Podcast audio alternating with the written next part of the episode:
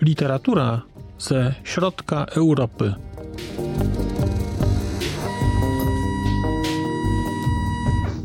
Podcast około książkowy.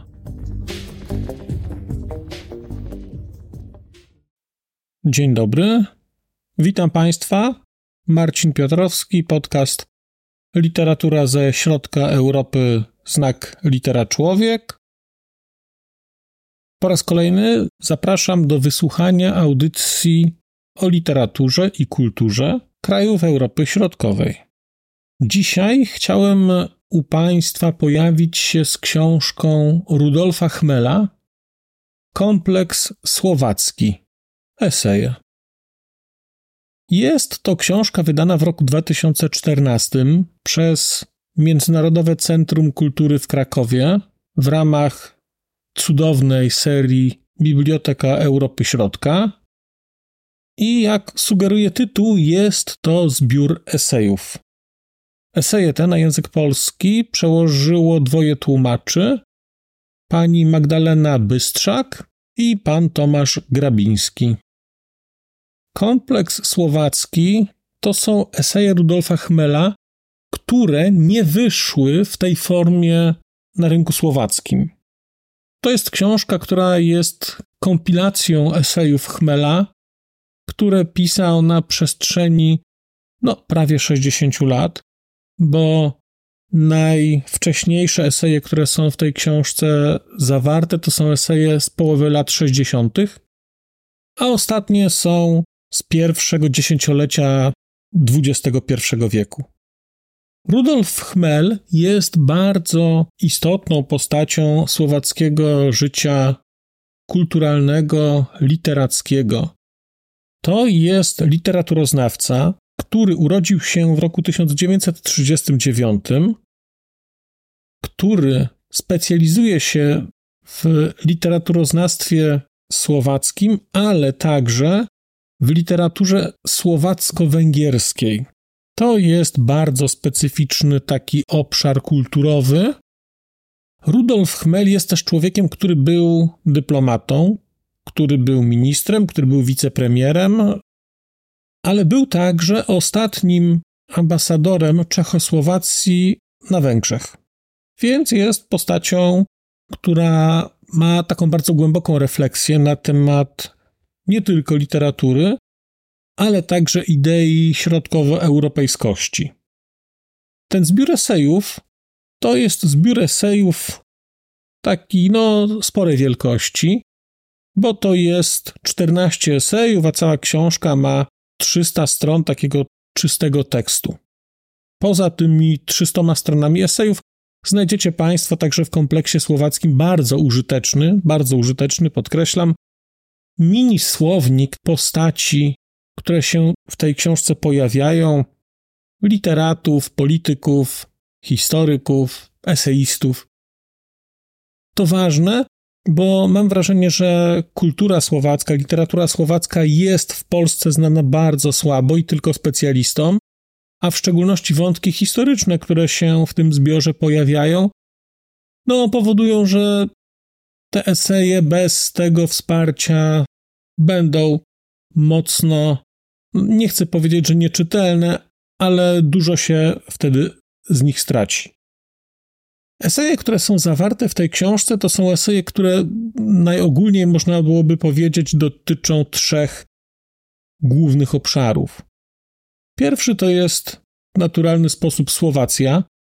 Słowacja, jej ustrój polityczny, jej takie cechy, nazwijmy to społeczne, trochę historia, historia najnowsza, historia nieco starsza, trochę dziedzictwo.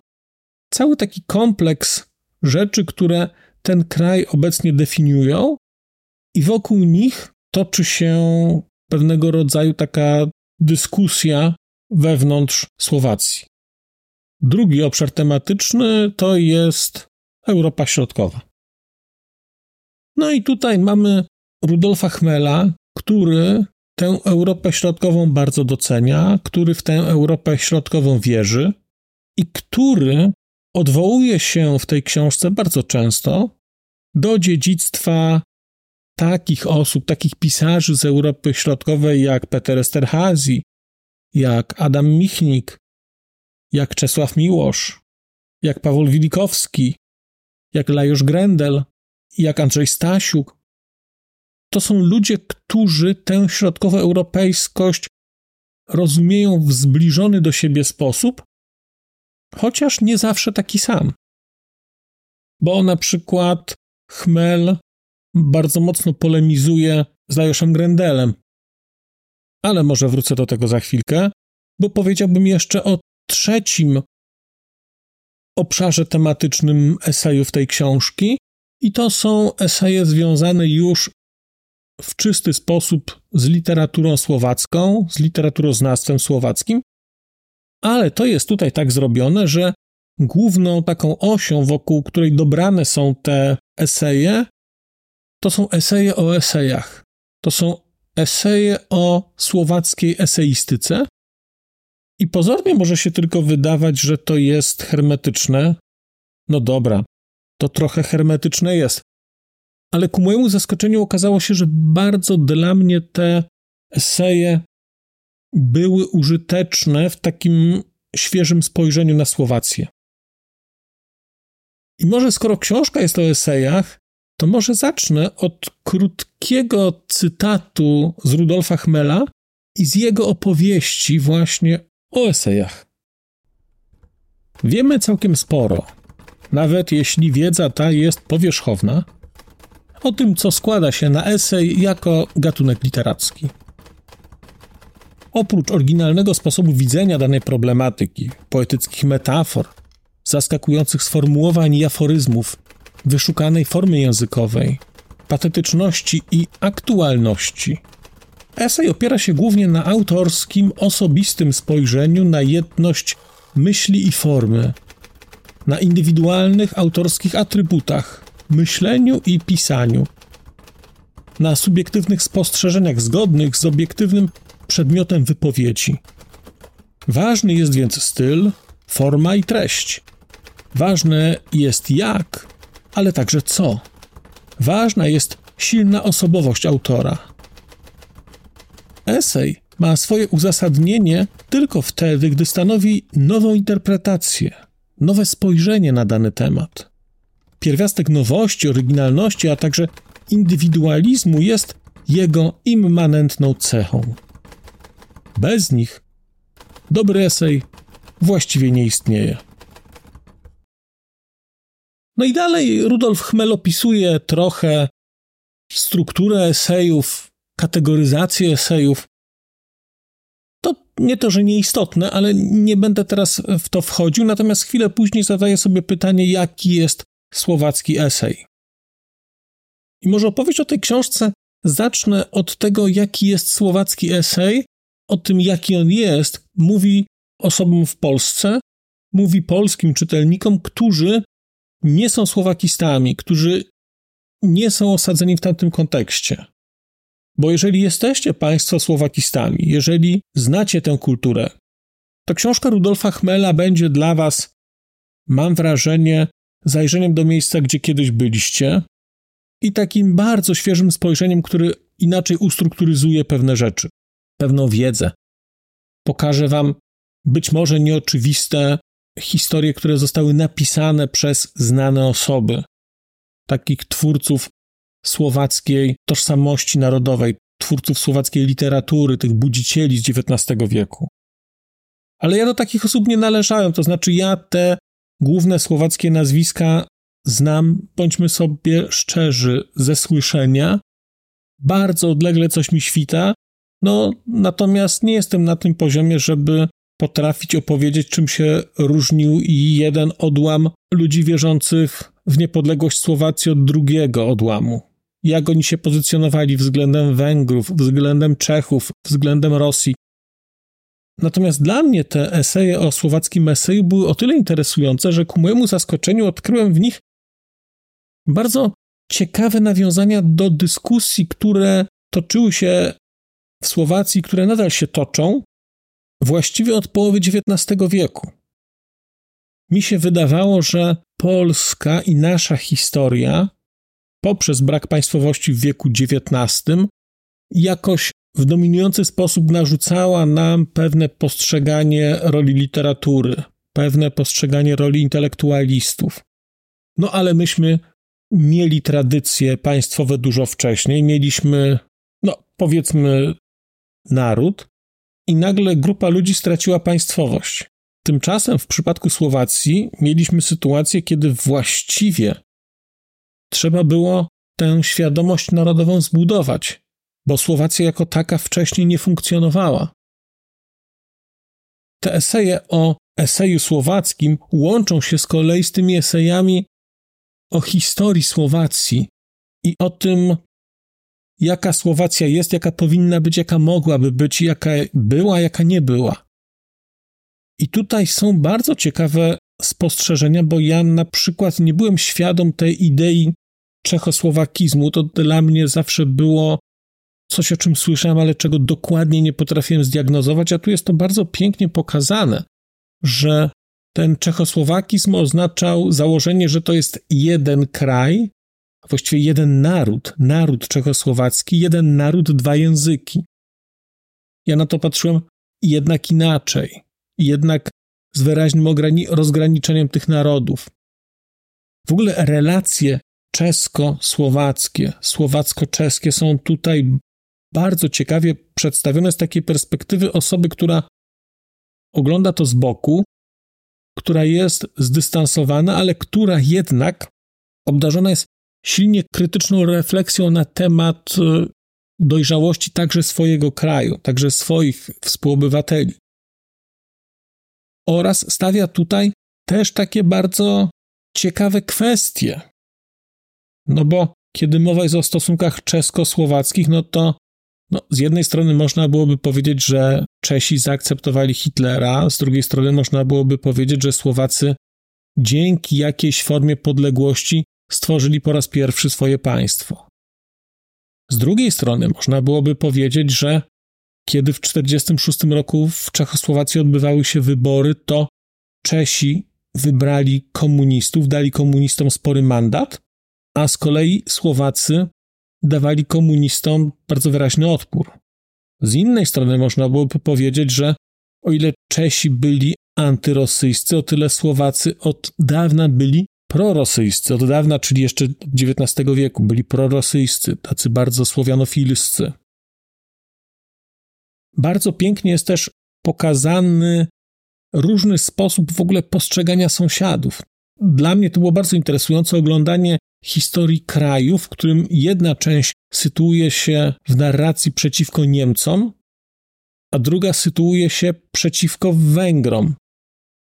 I każdy z tych krajów, każdy z tych krajów związkowych, z tych nacji, myśli o przeszłości na bazie swoich doświadczeń i zupełnie inaczej to postrzega. Ta książka bardzo dobrze wpisuje się w takie wątki, które mam nadzieję pojawią się u mnie, kiedy będę czytał rzeczy Lajosza Grendela, który jest węgierskim pisarzem mieszkającym w Słowacji i który pisał o tej południowej Słowacji, który pochodził z południowej Słowacji, ale ten wątek południowej Słowacji i gry politycznej wokół, nazwijmy to, podburzania ludzi, wokół utrzymywania stanu niepewności, wokół z jednej strony budowania czy rozbudzania jakiejś nadziei po stronie węgierskiej, że te tereny wrócą do Węgier. Z drugiej strony podbijania nastrojów antywęgierskich po stronie słowackiej, że Węgrzy się na te tereny zasadzają. Gdzie oczywiście nie ma w ogóle mowy o żadnej korekcie granic, no w szczególności w Europie obecnej. To wszystko pokazuje takie bardzo wyraźne napięcie.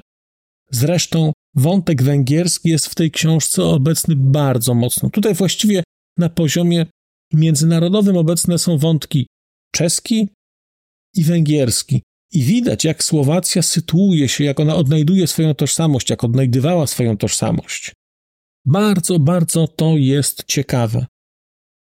No i jest wreszcie wątek środkowoeuropejski, i tu bym wrócił do czegoś, o czym zacząłem mówić na początku, ale gdzie się powstrzymałem, bo Bo tutaj na przykład Rudolf Chmel wchodzi w polemikę z Lajoszem Grendelem, który twierdził, że czegoś takiego jak Europa Środkowa nie ma, że Europa Środkowa powstała jako element buntu wobec zagarnięcia tej części Europy przez ZSRR do swojej strefy wpływów i mówienia o tej części świata jako Europa Wschodnia, gdzie tymczasem, zdaniem Grendela, całość tego społeczeństwa czuła się częścią Zachodu i była częścią Zachodu, jeżeli chodzi o kulturę, o dziedzictwo.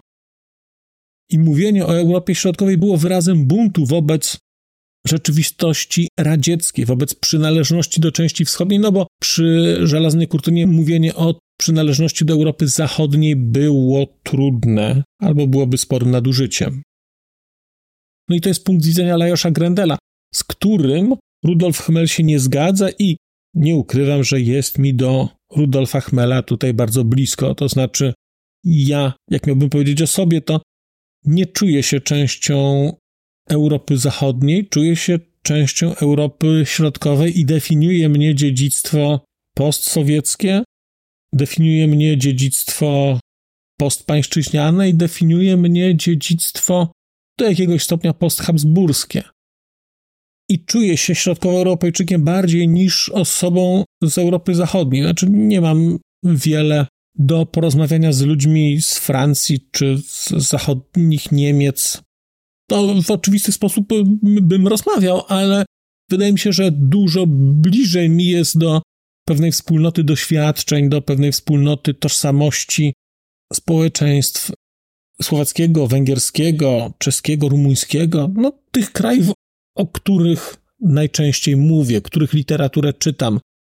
To jest ta część Europy, która jest bardzo pięknie zresztą definiowana za Andrzejem Stasiukiem, że to jest okrąg o promieniu 300 km od miejsca, w którym się mieszka. I to jest Europa Środkowa. Bardzo pięknie podkreślona jest tutaj także rola ceka monarchii w kształtowaniu tej środkowoeuropejskości. W materiale, który znajdą Państwo na kanale znalezione przeczytane u Ani, w materiale, który będzie dotyczył albo dotyczył, bo to w zależności od tego, kiedy wysłuchacie Państwo tego materiału. Rozmowy o książce Ostatnia podróż Winterberga, rozmowy, która ukazuje się w cyklu Pociąg do literatury, Rozmawiamy o właśnie ceka monarchii oraz o tym, że ona była idealizowana, ale także o tym, że była pewnym tworem, który chyba pojawił się za wcześnie, którego czasy jeszcze nie nadeszły w takiej formie, w której zaczął funkcjonować i z której nie wyewoluował dalej.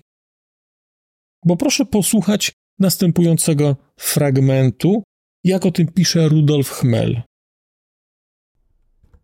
Jeszcze przez długi czas wiedziałem o zamkniętym społeczeństwie naturalnie mniej niż o tej Europie, którą nam zabito, z której porwano nas na wschód, czasem naprawdę daleki, choć fizycznie nie ruszyliśmy się z miejsca.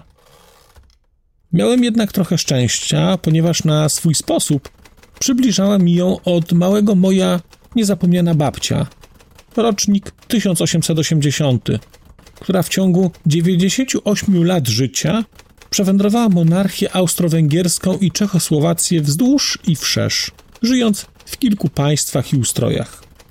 Opowiadała mi o nich, niemal wspominała wydarzenia wiosny ludów, a ja żywo potrafiłem wyobrazić sobie te historie.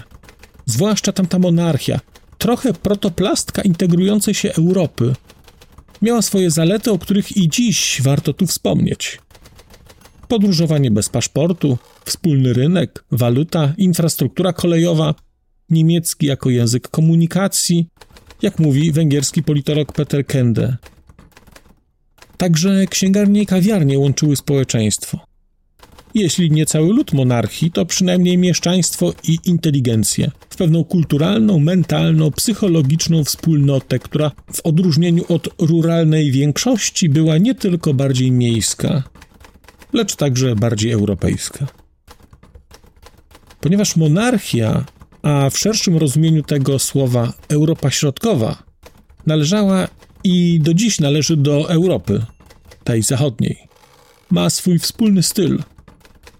o czym bardziej niż literatura świadczy z pewnością architektura. Ta Europa Środkowa, jeszcze przez chwilę też postmonarchiczna, utrzymywała nas w europejskim kręgu cywilizacyjnym, z którego po 1945 roku zaczęliśmy znikać, z którego, powtarzając za Milanem Kunderą, porwali nas Rosjanie. Dziś już wielu ludzi, zwłaszcza młodych, nie wie, że termin Europa Środkowa, będący w istocie synonimem Europy Zachodniej, stanowił oficjalne tabu po II wojnie światowej. Przerwę, bo już ten wątek podnosiłem o tym, jak się Europę Środkową postrzegało w czasach komunizmu. No i jeszcze zakończyłbym jednym fragmentem, który wydaje mi się bardzo trafnie oddaje też istotę już tej nowej Europy Środkowej. Tej Europy Środkowej trochę postkomunistycznej, ale też bardzo mocno doświadczonej przez historię wieku XX. Rudolf Chmel pisze tak. Nie byliśmy zazwyczaj zainteresowani tym, by zastanowić się nad sobą ani podczas minionych dwóch dekad, ani w poprzednim czterdziestoleciu, kiedy, mówiąc za Wacławem Hawlem, każdy był tak trochę ofiarą, każdy był tak trochę współtwórcą reżimu. Kiedy, jak pisze Peter Esterhazy w swojej powieści Wydanie poprawione, sięgającej aż do szpiku reżimu komunistycznego, na przykład także ten socjalizm Janosza Kadara, funkcjonował za naszym przyzwoleniem, z niewielkim dystansowaniem się i lekkim poczuciem obrzydzenia. Reżyser filmowy Istvan Sabo, generalizując nie tylko swoje własne doświadczenie twórcze, dodaje: Ludzie, którzy w minionym reżimie wydawali książki, kręcili filmy oraz otrzymywali od państwa nagrody i odznaczenia, tylko realizowali swoje plany w danych warunkach. Dlatego dzisiaj nie mogą twierdzić, że ustrój totalitarny ich prześladował. Ja też do nich należę. Jestem produktem minionego ustroju. Wyróżniony Oskarem Węgier wyjaśnia dalej. Od 1938 roku, kiedy się urodziłem, ustrój polityczny na Węgrzech zmienił się w sumie ośmiokrotnie. Jest możliwe, że człowiek w swoim życiu uwierzy jednej, drugiej czy trzeciej ideologii i może być lojalny wobec pierwszej, drugiej czy trzeciej grupy rządzącej. Istnieje jednak granica, kiedy nieustanne zmiany wiary i lojalności prowadzą do braku charakteru. Tę granicę zapewne lepiej wyczuła w tej chwili sztuka niż nauka. Przede wszystkim historiografia, choć w Słowacji to stwierdzenie nie dotyczy żadnej z tych dwóch stref. Nie będę Państwu podnosił tutaj tematów, wątków słowackich, które tutaj są bardzo pięknie pokazane. I taki spór, który się toczy na Słowacji o dziedzictwo tego, co wydarzyło się w czasie II wojny światowej. O to, co wydarzyło się bezpośrednio po II wojnie światowej. O czystki etniczne mniejszości węgierskiej, o procesy aryzacyjne w trakcie wojny. Te wszystkie rzeczy Państwo tutaj znajdziecie. To są eseje najwyższej klasy. To jest napisane przez intelektualistę, napisane przez człowieka, mam wrażenie, głęboko przepojonego miłością do drugiej osoby, takim głębokim wybaczeniem i zrozumieniem i niechęcią do osądzania, bo nawet jeżeli wypowiada się tutaj Rudolf Chmel o ludziach, co do których ma sporo zastrzeżeń natury moralnej, to robi to z taką ogromną klasą, że no, że aż przyjemnie czytać, że można w ten sposób mówić o przeciwnikach, którzy nim zapewne sobie pogardzają, no ale, ale on nie pogardza i to jest książka, to jest podręcznik niepogardy. Bardzo Państwu polecam. Kompleks słowacki Rudolfa Chmela. Książka jak zwykle przepięknie wydana przez MCK. Ten format, skład, to jest książka, którą jakbym mógł, to bym po prostu zjadł. I to jest, mówię to o każdej książce z tej serii. Co jakiś czas biorę je do ręki i za każdym razem myślę sobie, nie, no, przeginam, to nie jest aż tak dobre. Pod względem oczywiście formy. po czym biorę, czytam i kompletnie odpływa mi, mógłby, mógłbym po prostu tę książkę zjeść albo, nie wiem, włożyć ją sobie do głowy fizycznie i nosić, bo to jest cudowne. To jest cudowne. To, co zrobiły tutaj biuro szeryfy, które składało tę książkę, to jest arcydzieło, ale może kiedyś o tym opowiem. Ja Państwu kompleks słowacki bardzo polecam, aczkolwiek, jak mam być szczery, to biorąc pod uwagę niszowość tematu słowackiego, nie mam wielkich nadziei, że masowo zaczniecie Państwo tę książkę czytać, a warto. A naprawdę warto. Bardzo dziękuję Państwu za dzisiejsze spotkanie. Zapraszam do komentowania, zapraszam do słuchania. Powrócę do Państwa za czas jakiś z opowieścią niewykluczone, że o kolejnej książce. Bardzo dziękuję za uwagę. Przez mikrofon mówił do Państwa Marcin Piotrowski. Do usłyszenia. A już zupełnie na koniec powiem, że skoro wysłuchaliście Państwo tego odcinka, to w jego opisie znajdziecie link do serwisu YouTube. W wersji YouTube'owej e, jest miejsce na skomentowanie go. To jest takie miejsce, gdzie można komentować ten odcinek, rozmawiać, zadawać pytania, wymieniać się spostrzeżeniami, do czego Państwa bardzo zachęcam, gdyż udało się już na tym YouTubie zgromadzić trochę bardzo ciekawych osób, bardzo ciekawych komentarzy i trochę stworzyć taką społeczność ludzi rozmawiających o książkach. Też na koniec, zupełnie na koniec, poproszę Państwa o wystawienie oceny mi w ramach e, tych platform podcastowych, na których Państwo tego odcinka wysłuchaliście. I nieważne jaka ta ocena będzie, istotne dla mnie po prostu, że będzie. Tymczasem się żegnam już naprawdę i do usłyszenia za czas jakiś.